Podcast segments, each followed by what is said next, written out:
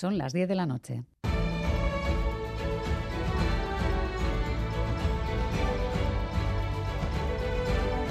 Radio Euskadi.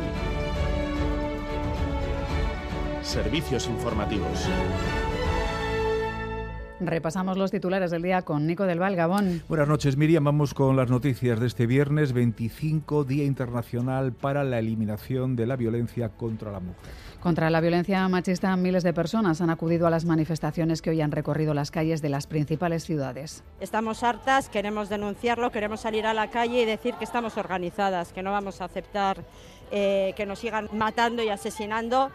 Y bueno, pues eso es crear conciencia y ocupar las calles que estamos hartas de tantas muertes, estamos hartas de toda la violencia que soportamos, estamos hartas de la violencia institucional, estamos hartas de las violencias de los jueces, de los estamentos públicos, estamos hartas ya. Los hombres somos los que tenemos que poder hacer, porque somos el sujeto activo que genera la violencia. Primero es condenar sin paliativos todo tipo de acciones que veamos y, y luego participar activamente ayudando a las mujeres en situaciones que veamos que están en riesgo o en peligro.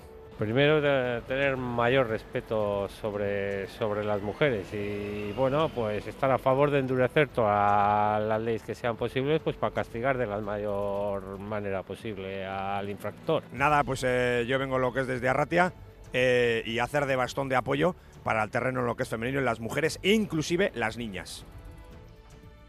Con motivo del Día Internacional, la directora de Macunde ha mostrado la repulsa ante la violencia machista y el compromiso de toda la sociedad de trabajar hacia su eliminación. Mirel Elgarreta. Estamos en un día importante, el Día Internacional contra la Violencia hacia las Mujeres, contra la violencia machista, es un día en el que las instituciones expresamos firmemente y les eh, comunicamos y eh, expresamos eh, bueno, la la ayuda que queremos ofrecer a las mujeres víctimas de violencia machista y a las mujeres supervivientes de esta violencia. Todo el apoyo y bueno, todos los servicios de protección y también un trabajo importante en el ámbito de la prevención que consideramos es muy necesario.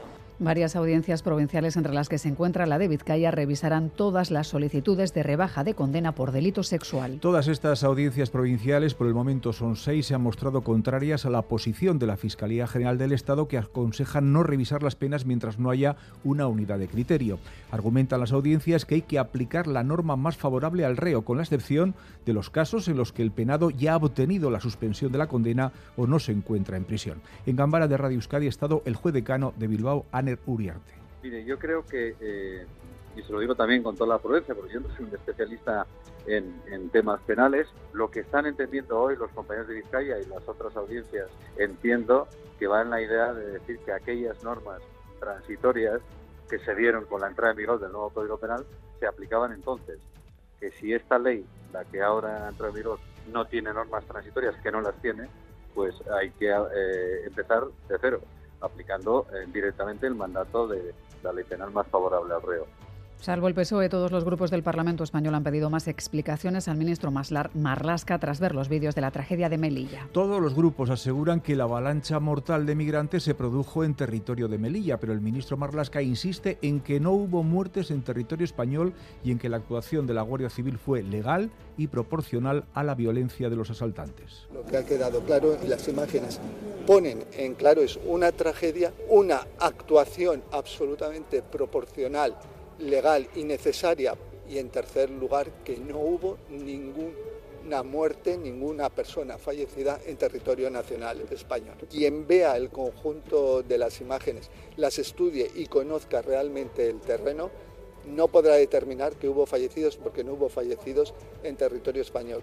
La Fiscalía ha llamado a declarar al jefe del operativo de la Guardia Civil y también ha citado al piloto y al copiloto del helicóptero que sobrevoló la frontera y grabó la entrada de migrantes en la frontera con Marruecos. Por otra parte, la exdelegada del Gobierno y la vicepresidenta de Ceuta serán juzgadas por la expulsión de 55 menores marroquíes. La guerra de Ucrania cumple nueve meses en plena oleada de ataques rusos contra las infraestructuras civiles. Según el secretario general de la OTAN, se está afrontando un horrible inicio del invierno. En la presentación de la cumbre de ministros del próximo martes, Stoltenberg ha solicitado un incremento del material militar antiaéreo para hacer frente a la ofensiva rusa. La oleada de ataques con misiles a ciudades e infraestructuras civiles están privando a los ucranianos de calefacción, de luz y de comida. Este es el principio y el inicio horrible del invierno para Ucrania. El presidente Putin está fracasando en Ucrania, pero responde con mayor brutalidad. All of us will pay a much higher price for many years to come. Es todo más información en una hora y en todo momento en itv.eus. Arte.